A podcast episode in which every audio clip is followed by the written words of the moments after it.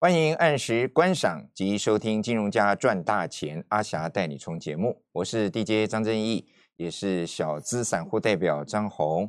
呃，这个时段呢是由我们君安投顾的精英团队来协助制作。呃，人美怎么个美法呢？就是 马就多多瑞皮亚豆豆豆。翠灯昂昂金梅郎，你看看我们坐在旁边这位阿霞曼舞老师，今天好红哦！张红，我跟你讲，全身红哎。OK，我跟你讲，呃，所有正身的听众朋友以及阿霞的凉粉，是我的 YouTube 呢是呃 YouTube，然后呢你打阿霞就是要你赚大钱，我们就跑出来了哈。OK，好，那我要说的事情是，我知道张红的用意啊，我想。因为节目一刚开始，你自己先讲，以免我待会 Q 你的时候你又没准备。你 是不是练很久了？当然练很久，我每天都在练，希望讲的标准一点。不过我觉得是进步很多，有进步哈。呃，进步很多，因为我记得你第一天呢，就你你说，哎，把揪是挖机，挖机对，对对对，那个音有点会会发错了啊。对，没错。好来，OK，你知道为什么我今天穿这么红？是因为今天大涨两百六十四。对呀。你知道更可贵的是什么？你知道吗？我觉得身为凉粉，真是非常的骄傲，是，and 非常的光荣。今天在下跌六十点的时候，那么我在我的 line at 里面呢的群主说见底了，是，我认为见到底部了。那你知道呢？张宏挖挖起深沟嘛，对哦，所以我不知道底部在哪里，但是我看到我会知道。嗯哼。结果呢，在跌六十点的时候呢，我就赶快就就就要开始发文嘛。是，好，然后就叫叫叫小苹果赶快做两张字卡给我，就赶快发出去。哎，然后呢，就从跌六十点哦，就一路拉拉拉拉拉拉到今天的收盘上涨两百六十四点。所以今天从我见到底部到今天收盘，整个价差是三百二十点。张红葡萄香吹了。哎呦。我记得阿霞曼文老师，哎，你可以帮我见证吗？对，可以见证。因为今天在，因为你有收到我的 line。对你今天在 line 也提到，就是说多头市场嘛，这个急跌就是看到这个已经看到这个底部了哈。对。然后呢，拉回就是买点啊。嗯。而且您说在急跌的过程当中，您看这个新护国神山看得更清楚，因为它在急。大盘在急跌的时候，它并没有怎么跌嘛，哈。对，没错。啊，我会觉得是这样哈，就是说所谓的护国神山，那所有错过台积电两百五的人，对，你们要仔细听哦，要很认真听哦。张宏，你要认真听哦。我一定很。我跟你讲哈，你除了认真听，张宏，你回家跟你老婆讲说解定存。好。然后外公参加会玩。OK。对，参加阿霞的会员。好。那我会把你的顺序排在前面。现在第一批已经上车了，不是吗？那个梁妈妈啊，梁妈妈上车了吗？没有没有没有，因为因为我之前就要买台积电嘛。啊，对。然后梁妈妈怕点回环护工啊哈，台积电的低点今年上给点的时候，你点爱人报。是。哎，对，一共啊那样，梁妈妈倒是没有说我一点爱来一本。嗯嗯。一共呢，他说因为很多人都买台积电，是。那我认为台积电这里还不是低点，我讲的是真的。但是我的股票护国神山已经先出来了。好，那么呢，所有正身的听众朋友，你熊细听，大家认真的听哈。因为台积电占大盘的加权指数重，对。所以呢，台积电。它要打一个底之后，嗯，才会上去。对，我认为六百七十九，嗯，也不是今年的高点。是，但是呢，台积电今年要能够再穿过六百七十九再大涨，嗯，我认为要经过一个整理。就说在这个整整理期间，是不是其他股票会冒出来？对，所以在这段期间呢，大家先稍安勿躁，嗯嗯，先不要买台积电。是，我可以跟各位讲。如果你喜欢台积电的，你一定要先扫描我们的 Light，对，然后呢，先参加会馆。我讲的是真的哦，先参加会馆，然后我带你去别的地方转，是转完之后回过头来，我们再来做台积电。对，子顺序知不知道？等台积电整理完了回来再做，回来再做。嗯，可是呢？你可能跟两个位，可能跟三个位，还是我顾忘灾啦。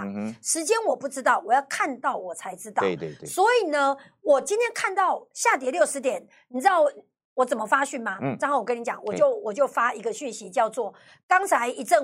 稀里糊涂杀盘，对，然后呢杀完了，这是我对会员的讯息。嗯，那我对会员发完讯息之后，我就先带他们买嘛。嗯，对，所以在今天早上九点二十五分的时候，大盘下跌六十点的时候，我的第一个反应是什么？哎，带会员买股票。是，所以我今天带会员买的很漂亮，非常漂亮，非常漂亮。我跟你讲，金价是五告诉也的对吧？然后我跟你说，我的新护国神山我已经赚一层了。是。所以很多人还在等解套，可是我们已经赚钱了。然后呢，你就报一个波段。嗯，那你说啊哈，你赚一层了，我跟你讲，你赶快来赚，因为我要赚的不是一层，我想赚的是倍。我再说一次，台积电一样。我跟你讲，台积电从两百五到六到六七九，六百七十九，对，到六七九，你知道涨多少？两倍多，三倍，将近将近三倍。对啊。你知道我意思吗？所以呢，如果我们的它真的要能够当护国神山，绝对不是涨一层，对，绝对不是涨两层，是涨一大段，是涨一大段，一个大波段，所以一个大波段。那因为呢，我做股票是这样哈，我都是做一个大波段，所以呢，我的三大保证，张宏你知道吗？带进带出，然后呢？对，没错，阿霞保证带你买，阿霞保证带你卖，阿霞保证带你做完一整个波段。这样的老师做起来多安心啊！对，那你看我有没有实现诺言？有，我环球金让你卖在多少？六百九十七，几乎是最高点。最高点。嗯。然后呢，华新科二八二，华新科呢最低的时候今天跌到二四几啊。对。所以那个跌十五趴，跌两成。我跟你讲，张宏，哎，算好可怜的是安诺伊在不？他都。他都他都不知道要跑，嗯哼，所以呢，他这辈子做股票的时间大部分是用来等待解套。对，好，真的真的就是这样。我我觉得这是大部分的，不敢说所有，大部分散户共同的一个一个新生，哎，新生了，一个新生。对，我跟你讲，我一直讲，在股票上有钱不是老大，对，是你能够把钱拿回家，这才是老大，获利换口袋是。然后呢，获利换口袋的时候呢，你又可以买新的股票，你又可以买新的股票。所以我我追踪一下哦，张宏，我跟你说，你还记得那个那个吊车的回完吗？对啊，马其他那问讲。对啊，就是就上个礼拜的事儿啊。你知道我跟你讲，他不是进来吗？哎，他呃昨天买护国神山，啊哈，他在赚一层的。哇哦，我我讲的是真的。恭喜恭喜！真的，这是真的。帮您鼓掌啊！真的。然后还有，那他只是一个，那一一来湾公司，他听到正声嘛？对，对不对？一来可以讲啊，我要锤这吸干的网路锤啊哈。有。就他打一个梁碧霞，那我我们的 YouTube 就跳出来了，跳出来一记了，哇，闹人遐水耶！是啊。我张红那遐烟道。啊，是啊，我。哎，有讲安尼无？我我讲诶。哎没有，你讲啊。你讲，你讲哇，啊还遐水哦。哦。没有他，我跟你讲，张红。哎。所有的人都称赞我们俩搭配的超好的啊！是是是，对，就我们俩很像是老朋友，有很多年的默契，谢谢，是吧？谢谢阿霞曼舞老师的提醒，哎，真的，我也觉得跟阿霞曼舞老师合作非常非常愉快。对，然后我跟你讲，已经卖更探钱啊！哎，重要是外公一寡谁谁会在不？差不多两百，两百，你想看吗？两三天的时间探几十万？丢丢丢丢！所以你看哦，一个吊车的司机。对，然后呢，他那个那个除了考照，我也不知道那个怎么考了。他说还要再考一个操作证呐。啊哈。和阿哥那个讲另外一个。好。你也给你半暝啊四点起来。哎，化妆的那位阿伯。那个阿妈。嗯，阿妈阿妈。那个阿妈。哎。对，你知道吗？因为。他很喜，他很喜欢我半夜起来画，就让阿公惊死啊！哎呀，惊起来啦！你讲哎呀，我无奈，画没有戏点，起来起来伪装，上来画口红啊，这样子。又又涨停板了，是不是？不是，因为一单北户亏盘，你知道吗？谢谢。因为亏盘的，亏盘就涨停板嘛，对不对？哎，跟要起啊嘛。是是。然后半暝啊四点起来画口红，结果半暝啊四点起来画口红，阿公惊一个，伊讲阿伯诶，你是安怎？伊讲无啦，我我的。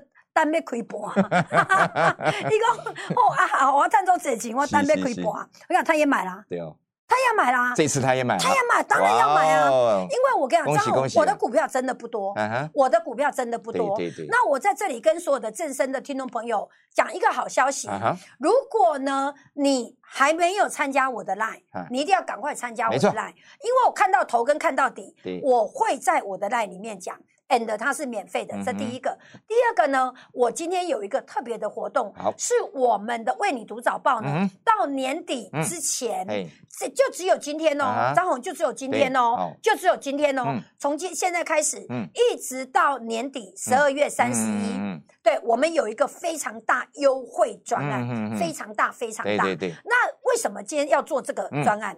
庆祝新富国深山是浮出来的第一天。OK。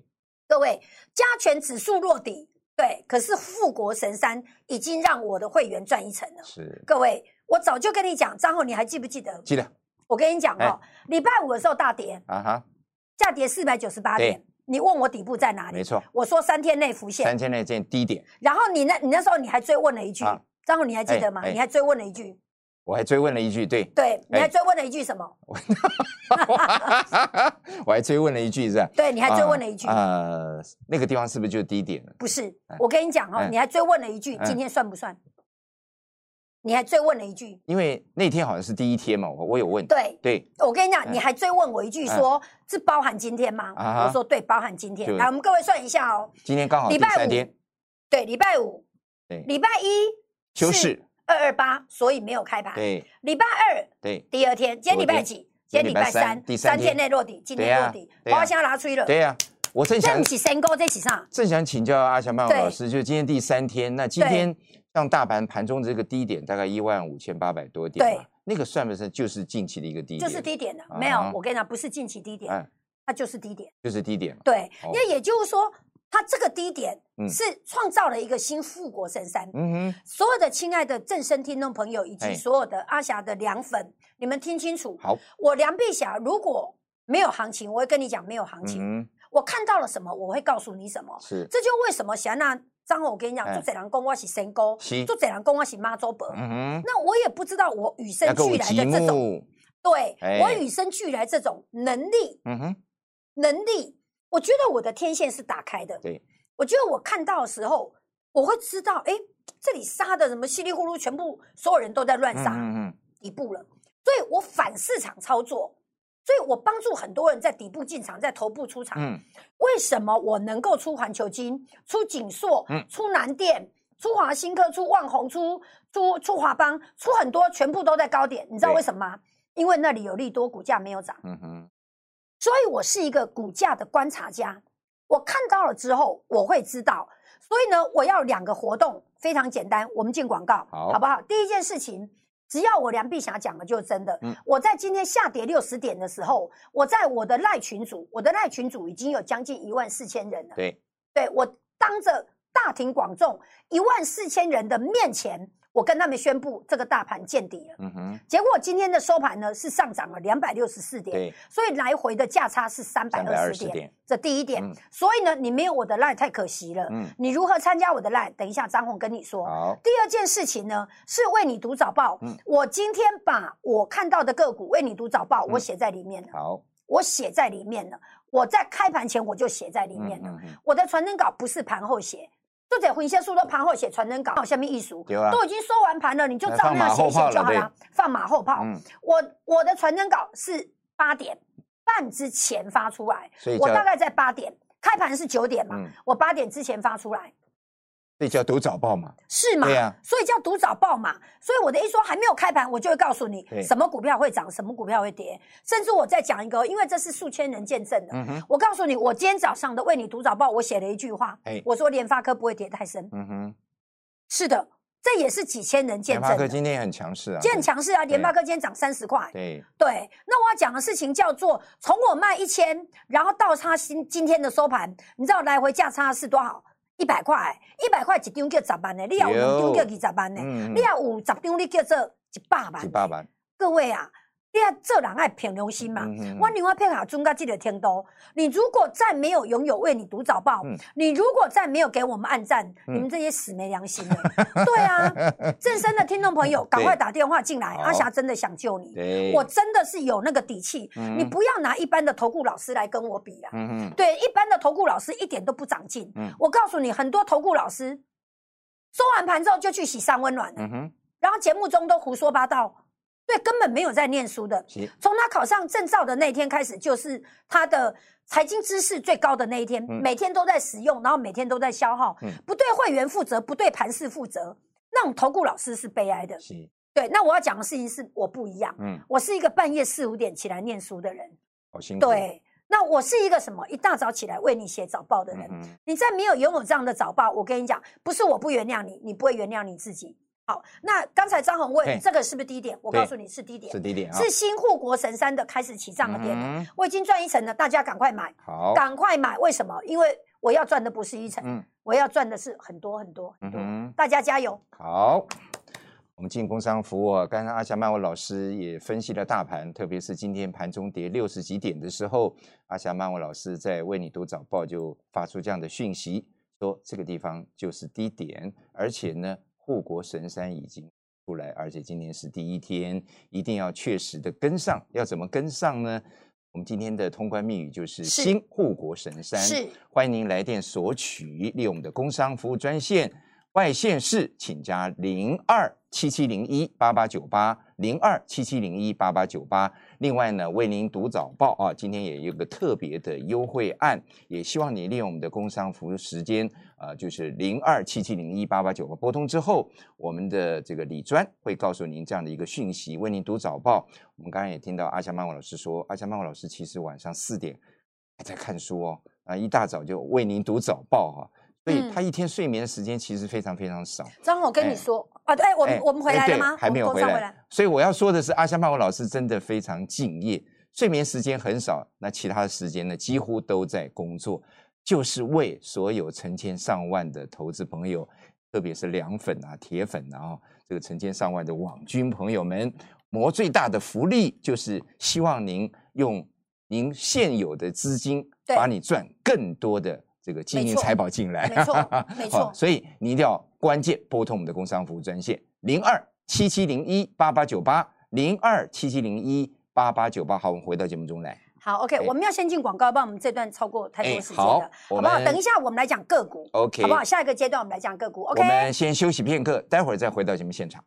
欢迎各位好朋友继续回到金融家赚大钱，阿霞带你冲节目的现场。我是 DJ 张正义，也是小资散户代表张红。我觉得我成为小资散户代表之后，更有同理心啊，就像我们的阿霞曼舞老师一样哦。嗯，虽然阿霞曼舞老师呢是一位高瞻远瞩的投资家。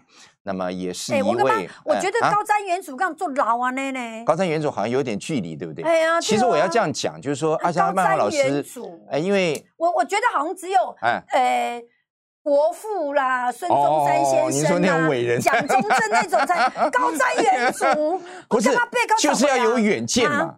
我觉得投资就是要眼光要很很精准，而且要看得很远嘛。不然你怎么能够看到那一段会赚的那一段？没有，我我跟你说，张浩，你讲的很好哈。我跟你说，股股股票市场是是一种什么东西？哈，所有正身的听众朋友，所有的 YouTube 的粉丝，你们都要认真听哦，哈。我都很希望能够看得很长。对。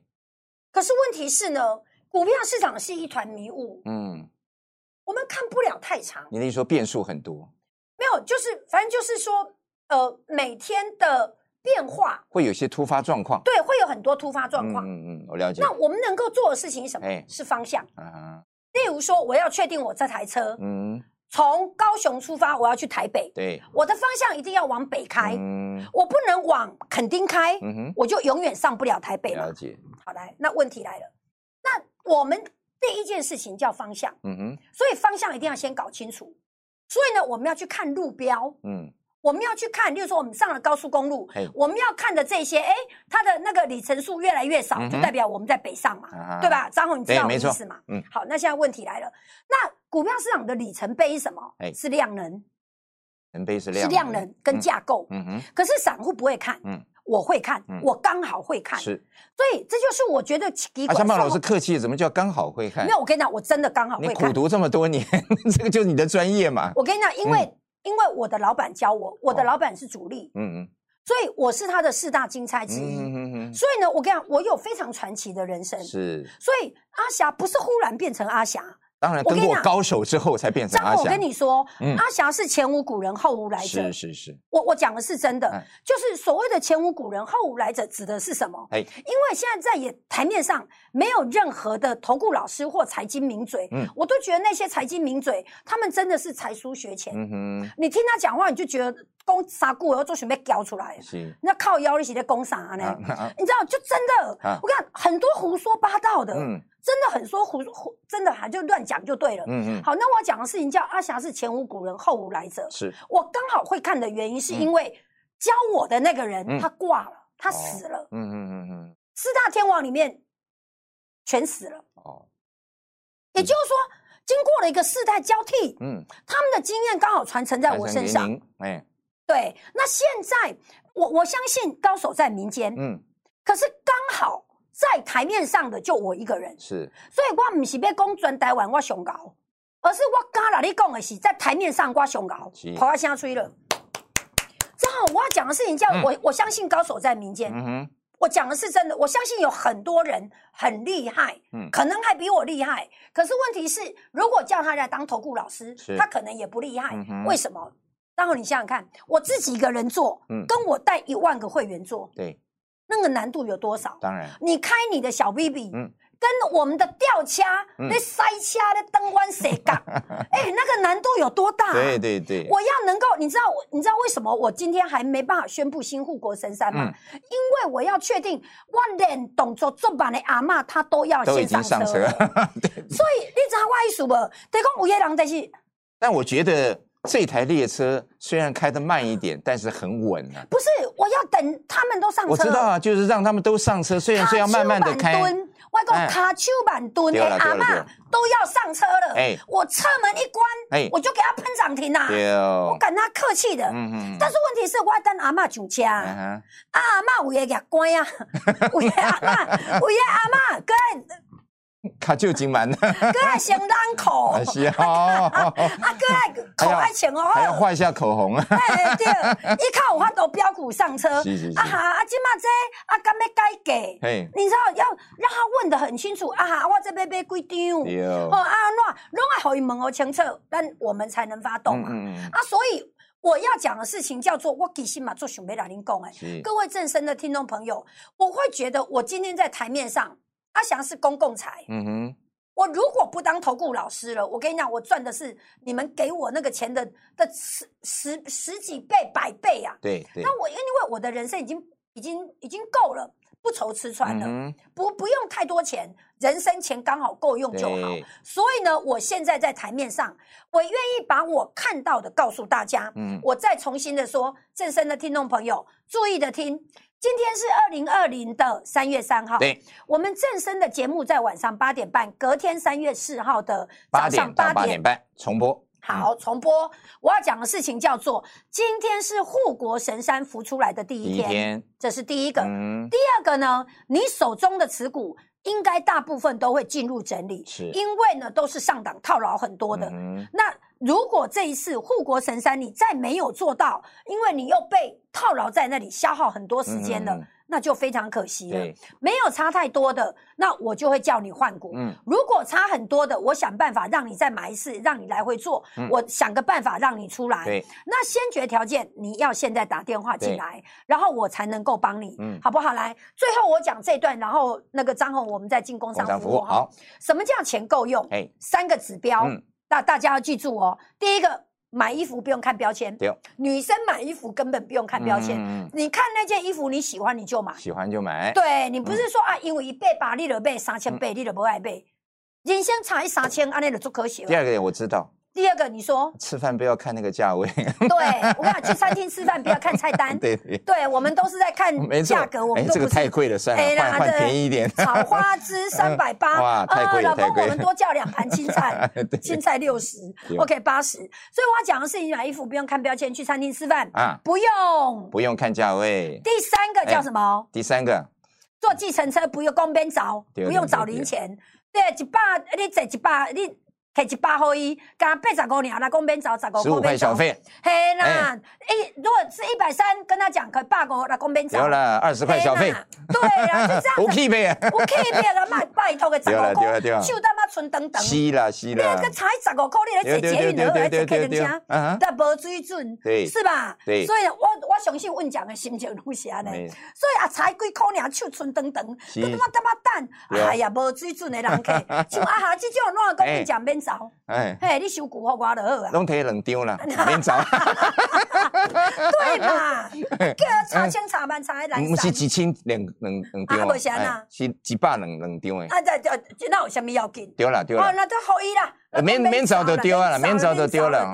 OK OK。哎呀，这么欺骗！哎哎，咱的股，咱的股票钱，你会输赢几千几万 呐？对不对？上海几十块。我们进工商服务了哈，工商服务时间了哈。这个女王蜂大本营，我们知道就是最坚强多头阿霞曼舞老师啊。其实所有赚钱的秘密都在这边，所以首先欢迎您加入。呃，女王蜂大本营的 Line at 对。小老鼠零二七七零一八八九八 TW 啊。啊，我们有一个专属的优惠，为您读早报到年底。优惠呢，当然是给你赚这个非常非常优惠，这个价钱真的哈，一个月好像还不到五千块哦，够秀，对不对？这个优惠我跟你赚。我跟你讲，张总真的只有今天，丢丢真的只有只限今天，只限今天，今天加入才有哦。嗯，OK 哈。另外就是护国神山新的护国神山，今天是第一天浮现。对，那当然有这个会员已经先上车，也赚了一一层了哈。对。但是阿香曼老师说，这个新的护国神山既然称之为新的护国神山，当然不是只为赚一成，当然将来会有翻倍的机会。